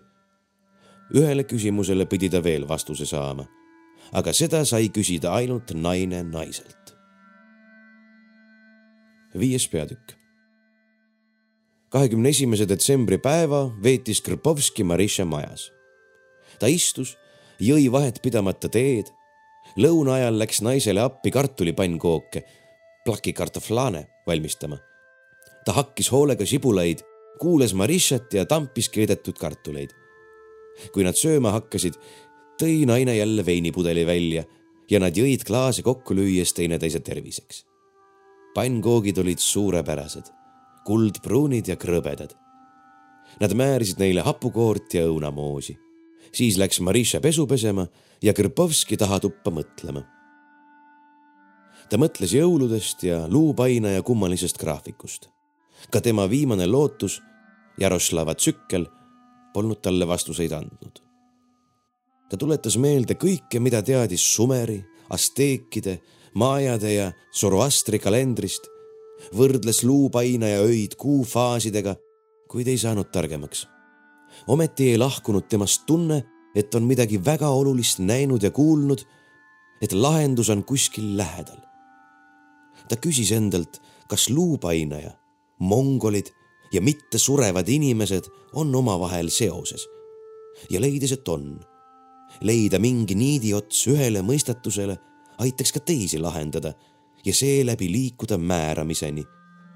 määramine on eksortsisti toiming, millega ta nimetab ja otsustab asja, inimese, koha, mille kallal eksortsismi toime panna. jõulud, mida neist? ta ei teadnud tõenäoliselt oli jõuluaeg antud juhtumis lihtsalt juhus. jõulud ise, mitme rahvusliku ja kristliku tava segunemine veidraks hookuspookuseks, ei saanud toimuvat kuidagi mõjutada. Krpovskit jätsid jõulud täiesti külmaks, kuid talle meeldisid jõuluroad. see oli ainus, mida ta neist asjalikku leidis. ta mõtles kaua, kas peaks minema homme külastama neid mittesurijaid kuid see mõte ei meeldinud talle eriti. Jaroslava käis nende juures, jah, seda küll, kuid võtta endaga surija juurde kaasa võhivõõras inimene, kes mingeid imelikke küsimusi kukub esitama. pealegi ei osanuks ta Jaroslavalegi seletada, kuidas need hinge vaakuvad raugad võisid tema luupainajaga ühenduses olla. kuid ometi nad olid, pidid olema. Marisha tundis seda, tema oli nende inimeste juures käinud ja ka Marishalt oli käidud nõu küsimas. külas oli kolm vanurit, kes juba kuid olid surivoodil lamanud. haiglasse neid ei võetud. ravida polnud siin enam midagi, nad polnud haiged. Nad olid lihtsalt liiga vanad, et elada. Nende aeg oli tulnud, kuid siis kummatigi peatunud. Marisha oli nende perekondi külastanud kui rahvavõimu esindaja. kaks perekonda palusid matusetoetust Nad kõik olid praktiliselt teadvuseta abitud surijad. Marisha oli neid tundnud. õieti oli ta tundnud kadunud elujõudu, kadunud elusoovi kuskil sügaval teadvuses, soppides, kuhu ainult nõia või ütleja meel võis tungida, olid nad eluga juba hüvasti jätnud, ootasid oma minekut, aga nad ei läinud. Nad tahtsid, aga ei saanud, ei suutnud astuda viimast sammu. miks? Kõrpovski ei teadnud. loomulikult ei saanud nad igavesti kesta. ükskord pidi süda lööma viimase tukse ja peatuma. kuid seni hoidis mingi seletamatu jõud südant töös, käskis tal edasi tuksuda. inimese vaimujõul võib olla imeline toime, mitte alati pole eluiha see, mis keha elus hoiab. mida ta saab üldse teha? mida oleks vaja teha? Jaroslava häda oli ainuke, mis nõudis abi Grbovski tahtis seda naist aidata, tal oli temast kahju, mongolite põgenemine. avastasid nad saladuse, mille nende esivanemad kunagi siia tõid. nelikümmend ida musta vaimu.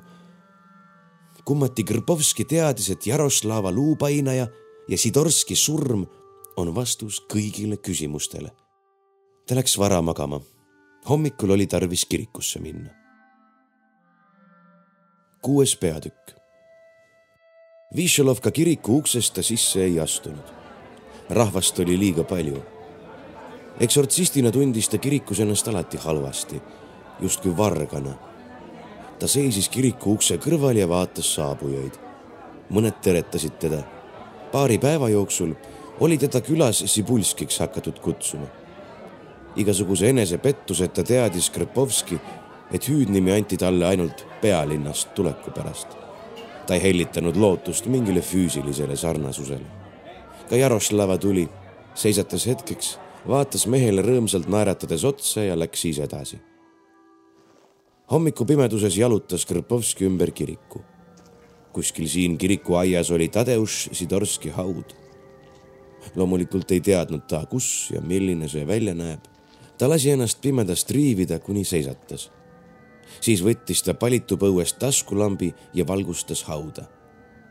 laterna valgusest vaatasid talle vastu tuttava buldogi näo sügavad silmad.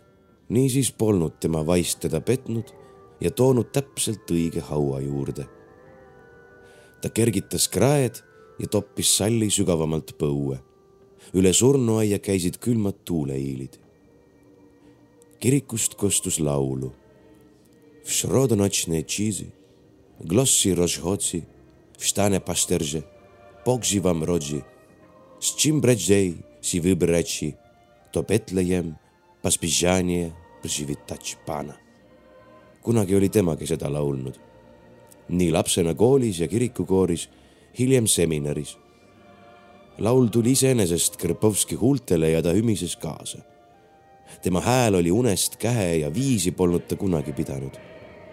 Kui kirikus mindi teise salmi juurde, laulis Krpovski esimest edasi. rohkem ta lihtsalt ei mäletanud. mida oli Sidorski matustel lauldud? kui palju rahvast üldse oli matustel? mees maeti tema enda säästude arvelt.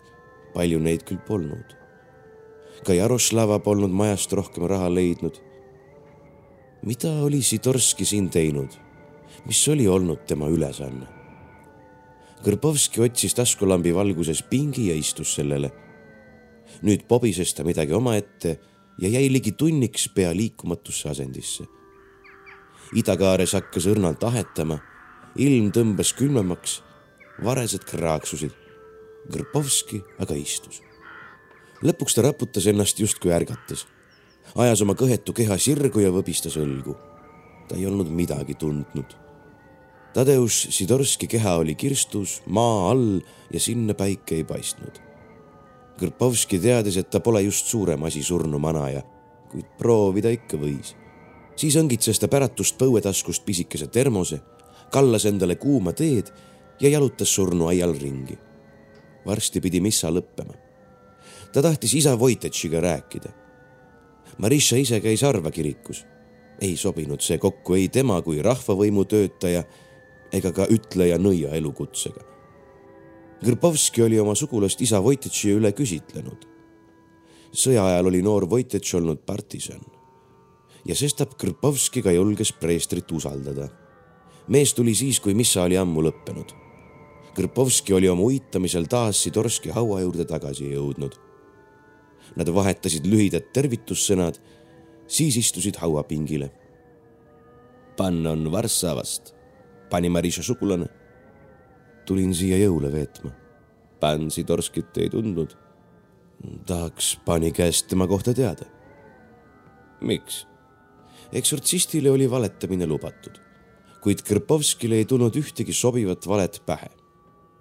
ta huvitab mind, vastas ta lihtsalt preester muigas. Pann on kirjandusteadlane. ma pean antikvariaati. Mida te tema kohta teada tahate? kuidas ta maeti? kukkus katust parandades surnuks, toodi kabelisse vankriga. naabrid olla ta kodus puhtaks pesnud ja musta ülikonda riietanud. mingi vana sadulatekk oli talle peale visatud. Marisha aitas sugulasi otsida. lamas kabelis kaks päeva. kirst tuli odav ja lihtne, matustel oli kolm inimest, mina, hauakaevaja ja Pan Lukovitš. Hmm, kes tema on? invaliid, kaotas sõjas käe. me võitlesime koos metsas sakslaste vastu ja Tadeusz hankis meile lõhkeainet. aga see oli ammu.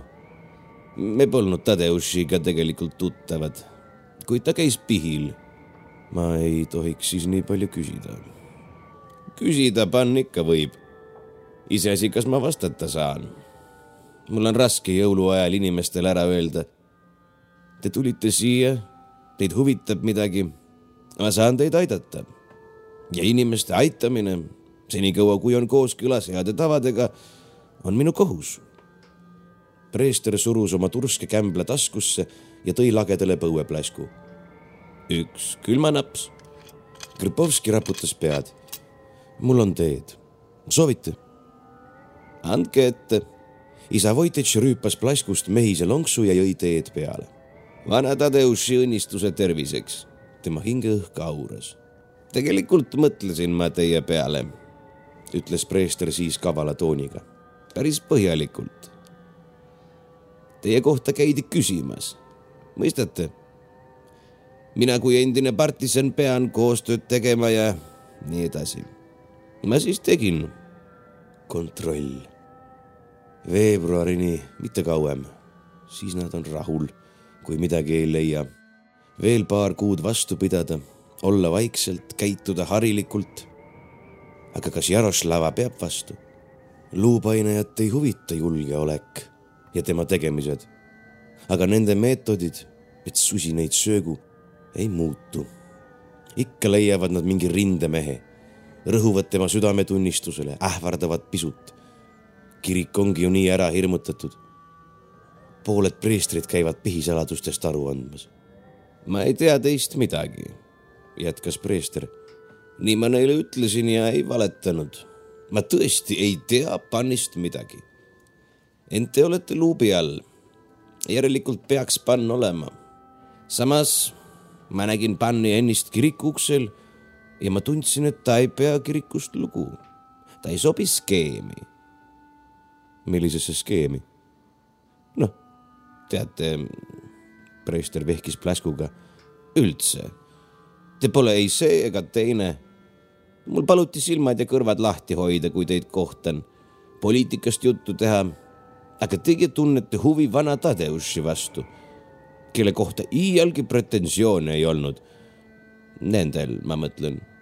miks te minuga nii avameelne olete? preester pööras oma halli pea Krpovski poole. Üle tema põse jooksis sügav arm, mis lõppes lõual. ilmselt sõjast, mõtles Krpovski kui inetuks teeb põsearm inimese. Panniga ju võib avameelne olla. Teil on siia asja, teil on siin midagi tarvis teha. ja julgeolek ei tea samuti, mis see on. kuid te ei tee midagi, mis tegelikult peaks julgeolekut huvitama. Ma siis liitsin ja lahutasin, lappasin mõttes läbi, mida ma teist kuulnud olen. siin ei jää ju midagi saladuseks. ja vist arvan, kes te olete. käisite Jaroslava pool, elate Marisha juures, ma tean, teda peetakse nõiaks. uurite Sidorskit, aga Sidorskit meil ei sallitud. meid on teiesuguste eest hoiatatud, aga mitte Varssavast, Vatikanist. Grpovski ohkas. ja pange nüüd ennast minu olukorda, rääkis preester edasi. kellele ma peaksin pannist ette kandma millisele isandale? ilmselt sõltub see sellest, mida te siin tegelikult teete. nii et rääkigem avameelselt ja lõpetagem mõistukõned. nõus, ütles Krpovski. ma olen siin, et üht inimest aidata. Üldiselt suhtume meie oma kundadesse samuti nagu teie pihtijatesse või advokaadid oma klientidesse. see tähendab range konfidentsiaalsusega. aga kutsus mind Marisha kutsus kui sugulast. nii palju võin teile öelda. ma tean seda niigi. Marisha üritab Jaroslavat posida. tüdrukul on mingi tõbi kallal. ta pole mulle seda öelnud, aga teie kunde on Jaroslava Sidorska. Sellepärast olete ka Tadeuši haual. Te arvate, et Jaroslava haigusel on midagi pistmist tema vanaonuga? no siis te ju teate, miks ma siin olen. no siiamaani on ju need ainult oletused. Krpovskile meeldis isa Vojtitš ta ei suutnud veel mõista, keda oli tema kaaslases kõige rohkem. kas vana partisani, preestrit või julgeolekuagenti, kuid ta teadis, et võib meest usaldada. Pansidorskit peeti kurjaks. Te teate seda? küsis ta preestri käest ja valas talle veel lonksu teed. kurjaks? jah, ma tean. preester tõusis, läks hauaplaadi juurde, pühkis sellelt risu ja räbu kükitas ja süütas haual küünlajupi. ta tegi seda vilunult leeki tuule eest pihkudega kaitstes. küllap isa ka suitsetas. vaadake, nõudis isa Vojtitš. vaadake seda nägu, see on kõige viimane pilt temast, võetud sellel kevadel, kui ta pidi passi uuendama. vaadake teraselt seda nägu. kas te näete pisarate jälgi põskedel? millised kanalid on nad kortsude vahele uuristanud? see mees kannatas, kannatas meeletult. ta oli üksik ja põlatud, hüljatud ja tõrjutud ja ta ei teadnud, miks. Ta istus oma majas ja tõlkis Baudelaire'i, Rousseau'd, de Sade'i, nuttis ja tõlkis, põletas käsikirjad ja tõlkis uuesti ja jälle põletas. kui inimene on kuri, siis kuidas ta ennast väljendab? seda tahtis ta teada. ja leidis, et see, kes luuletab, ei saa kuri olla. ta tahtis teada, miks teda vihatakse. mõistate? Ta käis pihil, et kellegagi rääkida. võin teile öelda, et ta ei pihtinud oma patte, sest tal polnud neid. mina kuulasin teda, vestlesin temaga. see oli kõik, mida sain selle õnnetu jaoks teha. ja ainus, mida ta vajas ma ei tea kedagi, kes oleks rohkem ebausu ja eelarvamuste all kannatanud kui Pansidorski. ja nüüd süütas preester tõesti, filtrita sigareti, puhus mõnuga suitsu välja ja toppis tikukarpi tagasi. siis istus ta Krpovski kõrvale. ma ei tea, mis tõbi Pan Jaroslaval on, kuid uskuge, et kui mul oleks vähimatki alust oletada, et Pansidorski vaim käib teda vaevamas oleksin mina esimene, kes majas palveid loeks. kui te sellepärast tulite, siis tulite asjata. me arvame, et see on luupainaja, kostis Karpovski ettevaatlikult. luupainaja? see pole haigus, nii palju ma tean. midagi kummalist, ma pole veel päriselt selgusele jõudnud. see tuleb alati siis, kui pani magab. käib mingi arusaamatu graafiku järgi selles olen ma kindel, et see pole füüsiline olend. koerad ei ulu füüsilise keha peale. aga pani Jaroslava koer ulub iga kord, kui luupainaja kallal. Isa Vojtitš vaatas Krpovskit pärani silmi, pomises siis midagi ja lõi risti ette. kui palju teie luupainajast teate, isa, päris Krpovski? ma mõtlen nii üldse, teoreetiliselt. Teile ju õpetatakse rahvausundit, õpetatakse sellega võitlema rahvausundeid pole olemas, lõikas preester. rahva usk on katoliiklus. on mütoloogia ja ebausk, muinasjutud. Aga teile ju õpetatakse neid muinasjutte. kust te seda teate? ma käisin ise ka kunagi seminaris. või nii? nii jah. kas Višalov kasvõi selle ümbruses on ka varem luupainajat esinenud? kas inimesed on teie poole pöördunud, et loeksite palveid ja pritsiksite vett. püha vett. jajah, muidugi, püha vett, ma mõtlesin. isa Vojtitši näoilme rääkis kõhklusest. Loomulikult oli preestrile keeruline asuda kiriku asju arutama ususalgaja eksortsistiga. teisest küljest. aeg-ajalt inimesed vajavad kiriku abi, ütles ta siis ettevaatlikult kui te mõtlete, kas ma olen ise mõnd kummalist fenomeni kogenud, siis pean teile eitavalt vastama. palved mõjuvad eelkõige inimestele. rahustavad, panevad uskuma, et nad on kaitse all ja sellest aitab. ma pole pidanud Višelovkas eksortsisme läbi viima. Te ei usu, et Pansitorski oli kuri? ma usun Jumalat. ja seda, et ükski inimene ei ole, ei saagi olla läbinisti kuri. aga kuidas te siis seletate, et koguduse liikmed Pansitorski ära põlgasid? ma ju räägin, vanad eelarvamused, naiste loba rahvajuttudes olid koletised ikka kokku kasvanud kulmudega üksikud vanamehed. minu meelest Sidorski ise kannatas inimeste kurjuse all. pealegi oli mehe eraklik eluviis tuntud. kõik olid sellega harjunud. ja Sidorski vaenamine oli vale. kuid lõpuks otsustavad inimesed oma elu ja sõprade üle ise. sellesse ei saa kirik sekkuda. olgu. aga luupainajat pole siis varem esinenud? ei ma mõtlen just vaimset luupainajat. meie peame võimalikuks, et põhimõtteliselt võib luupainajaks peetav fenomen ilmneda kahel kujul, vaimsel ja füüsilisel. minul on siiani kokkupuudet olnud ainult vaimse luupainajaga. ma ei hakkaks teid terminitega tüütama. saatana jõud, nagu teie neid kutsute, ei allu tihtipeale klassifikatsioonile. Nende kohta pole dogmaatilisi indekseid ja sugulustabeleid ütlen vaid, et Euroopas on luupainaja reeglina esinenud surnud perekonnaliikme vaimuna, kes on tulnud elusaid unes kiusama. Maar, Moor, Alp, Mora, Morava, Marras, sellised on tema nimed. lõuna pool, Transilvaanias peamiselt, omistatakse luupainajale ka vampiirlikke omadusi, kuid seal peetakse teda füüsiliseks olendiks. meil Poolas on Kikimora soos elutsev naiskoletis. Lääne pool teisendub see sukuubuseks. luupainajat seostatakse tihti kindla sooga. füüsiline meespainaja on inkuubus, isa Vojtitš katkestas Krpovski. kuulge, miks te seda mulle räägite, see on mütoloogia kursus, ma tean seda kõike. aga sellepärast, et arvan Jaroslavat painavat just nimelt Pansidorski vaimu. ma ei tea, kust see tuleb või miks ta seda teeb ärge alahinnake rahva taju.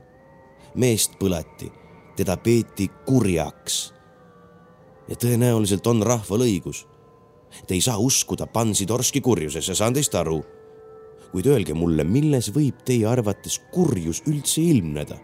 preester mõtles hetke, otse kui katsuks midagi ammu õpitut meenutada. teod on mõtete tagajärjed. inimene mõtleb kurja ja teeb kurja kuid see pole lõplik. keegi ei saa olla üdini ja ainult kuri. iga inimene armastab midagi või kedagi. kurjus on hea puudumine, mis peab selles inimeses olema. Pole objektiivne fakt, vaid subjektiivne asjade seis, mis kujunenud suhetest teiste asjade või inimestega. kurjuse olemasolu tõestab Jumalat ja loodut. ilma pahategudeta pole kannatlikkust ja õiglust Need mõisted oleks võõrad ja tundmatud. kurjust on vaja, et mõista Jumala tegelikku armastust. Kõrpovski silmitses preestrit huvi ja üllatusega. Te pooldate Toomas Aquinuse kontseptsiooni, et kurjus on maailma loodud just nimelt tema eristamiseks. ja seeläbi, kes see Toomas on, küsis isa Vojtitš hämmeldunult. seda räägite meile seminaris ja selle mõistmiseni olen ma ka ise jõudnud no pole oluline. Pann arvab, et keegi ei saa olla kuri iseenesest. jaa, kõik suudavad armastada. ka Pann Sidorski oskas armastada. kuid selline arusaam kurjast põhineb veendumusel, et kurjus avaldub mõtetest alguse saanud lõpuni viidud tegudes või siis ainult ühes selle faasis ja on tingitud kokkupuutest maailma jumaliku äranägemise põhjal loodud kurjaga lõplikuks kriteeriumiks jääb siin ikkagi tegu. kurjus on saatanast. ma arvan, et Jumal ei loonud otseselt kurja. pigem inimene võib seda leida, kui ta ennast heast ära pöörab. nagu ma ütlesin, on kurjad asjad olemas, kuid nad pole seda iseenestest. saatan üritab võita igas inimeses peituvat jumalikku alget, kes talle alla jäävad, teevad kurja saatana vastu aitab usk. kalmistupuude latvades hakkasid kisama varesed ja harakad. millegipärast olid linnud tülli läinud või oli see siis lihtsalt tervitus tõusvale päikesele. ilm oli veelgi külmem ja Krpovski haistis lund. ta pakkus viimase teelonksu isa Vojtitšile, kuid too eelistas ainult oma vodkat ja süütas järgmise sigareti. võidakse küsida, et kas siis ilma kurjata pole inimene tõesti võimeline head ära tundma, rääkis ta edasi. ma vastaks, et kurjus võimendab head mida suurem kuri, seda rohkem head läheb tema ületamiseks tarvis. et äh, igale kogusele kurjale vastab kogus head? umbes nii, aga head on muidugi rohkem. aga kuhu jääb siis inimese vaba tahe? Valik olla oma põhiloomuselt hea. kas siis head on tarvis ainult selleks, et kurjale tema koht kätte näidata? inimene peab käima Jumala tee järgi, vastas preester kuivalt teate, isa, meie eksortsistid oleme parandamatud fatalistid, sõnas Krpovski. me usume, et igal inimesel on maailmas oma roll. jumalal on meie kõigi jaoks oma plaan. plaan on, kuid kellel? see roll võib olla suunatud millegi inimliku või kurjuse täideviimisele. kurjus ei avaldu ainult tegudes või õigupoolest teod pole ainsad, milles kurjus võib väljenduda. olen siin teiega nõus. kurjus võib avalduda teos, mille ettemääratusest ei pea inimene üldse teadlik olema. ta on märgitud ja valitud sooritama kunagi midagi. Tal on oma osa kurjuse summa summarumis. selliseid inimesi on. Nad pole oma väljavalitusest teadlikud ega peagi olema kurjus koob oma võrku aeglaselt, sest aega tal on. mis on tal plaanis? me ei tea seda. võib-olla alustas saatan või kurjus oma plaaniga ammu ja on selle juba lõpetanud. võib-olla teeb ta alles esimesi samme. me ei tea ka seda. Ma arvan, et Pansidorski oli väljavalitu. Teie mälestused temast kinnitasid seda. ta mõtiskles kurjuse üle, kuid tema pidas kurjuseks enda põlgamist see on loomulik reaktsioon ja ma saan sellest aru. aga ta suri enne, kui jõudis talle määratu korda saata. nüüd on ta tagasi. ja ma kardan teda. isa Vojtitš kuulas teda huviga, kuid raputas pidevalt mittenõustumise märgiks pead. Ta ei saa tagasi olla, selliseid asju ei juhtu. ja polnud tal ka kellegi suhtes õelaid kavatsusi. ta oli üksik ja õnnetu vanamees ta poleks iialgi kedagi tapnud. mõrv on kole ja hukkamõistetav asi. kes on tapnud, tuleb tappa. kuid mõrv, ka massimõrv, on väga inimlik. Hitler, Himmler, Jackson, Chamberlain, kõik suured massimõrtsukad olid eelkõige poliitikud. inimesena vastikud jõelad, kuid nad tegutsesid väga maistest kaalutlustest lähtudes sõjardid pole kunagi kurjuse emissarid sest temal pole tarvis inimeste massilist tapalavale saatmist. tal on inimeste jaoks teine roll, puhastada maakera inimrassist, mis võiks olla kurjusele veel lihtsam ja mõttetum. siin pean ma vist Paniga nõustuma. eks ole. Mida on saatanal tarvis? elu, arvan ma, elu ja inimesi. kuid milleks? preester vaatas Krpovskile sügavalt otsa, üritamatagi varjata oma imestust ja teatavat lugupidamist kas te usute jõule? usun, et talvisel pööripäeval mängivad taevavõlvil jõud, mis on inimesele hoomamatud. sel ajal on alati seletamatud nähtused energiat kogunud. ja mulle maitsevad jõulutoidud. Ma lähen nüüd, ütles isa Vojtitš. palju toimetusi. ma ei tea, kas sain aidata, aga soovin Pannile kõigest hoolimata edu. julgeolekule ütlen, et tulite Pansitorskist alles jäänud raamatukogu uudistama. võtke sealt mõned raamatud suitsukatteks kaasa. häid jõule. preester tõusis ja läks. Krpovski silmitses veel pikalt hauasambalt viimast ülesvõtet Pansitorskist, kurjuse emissarist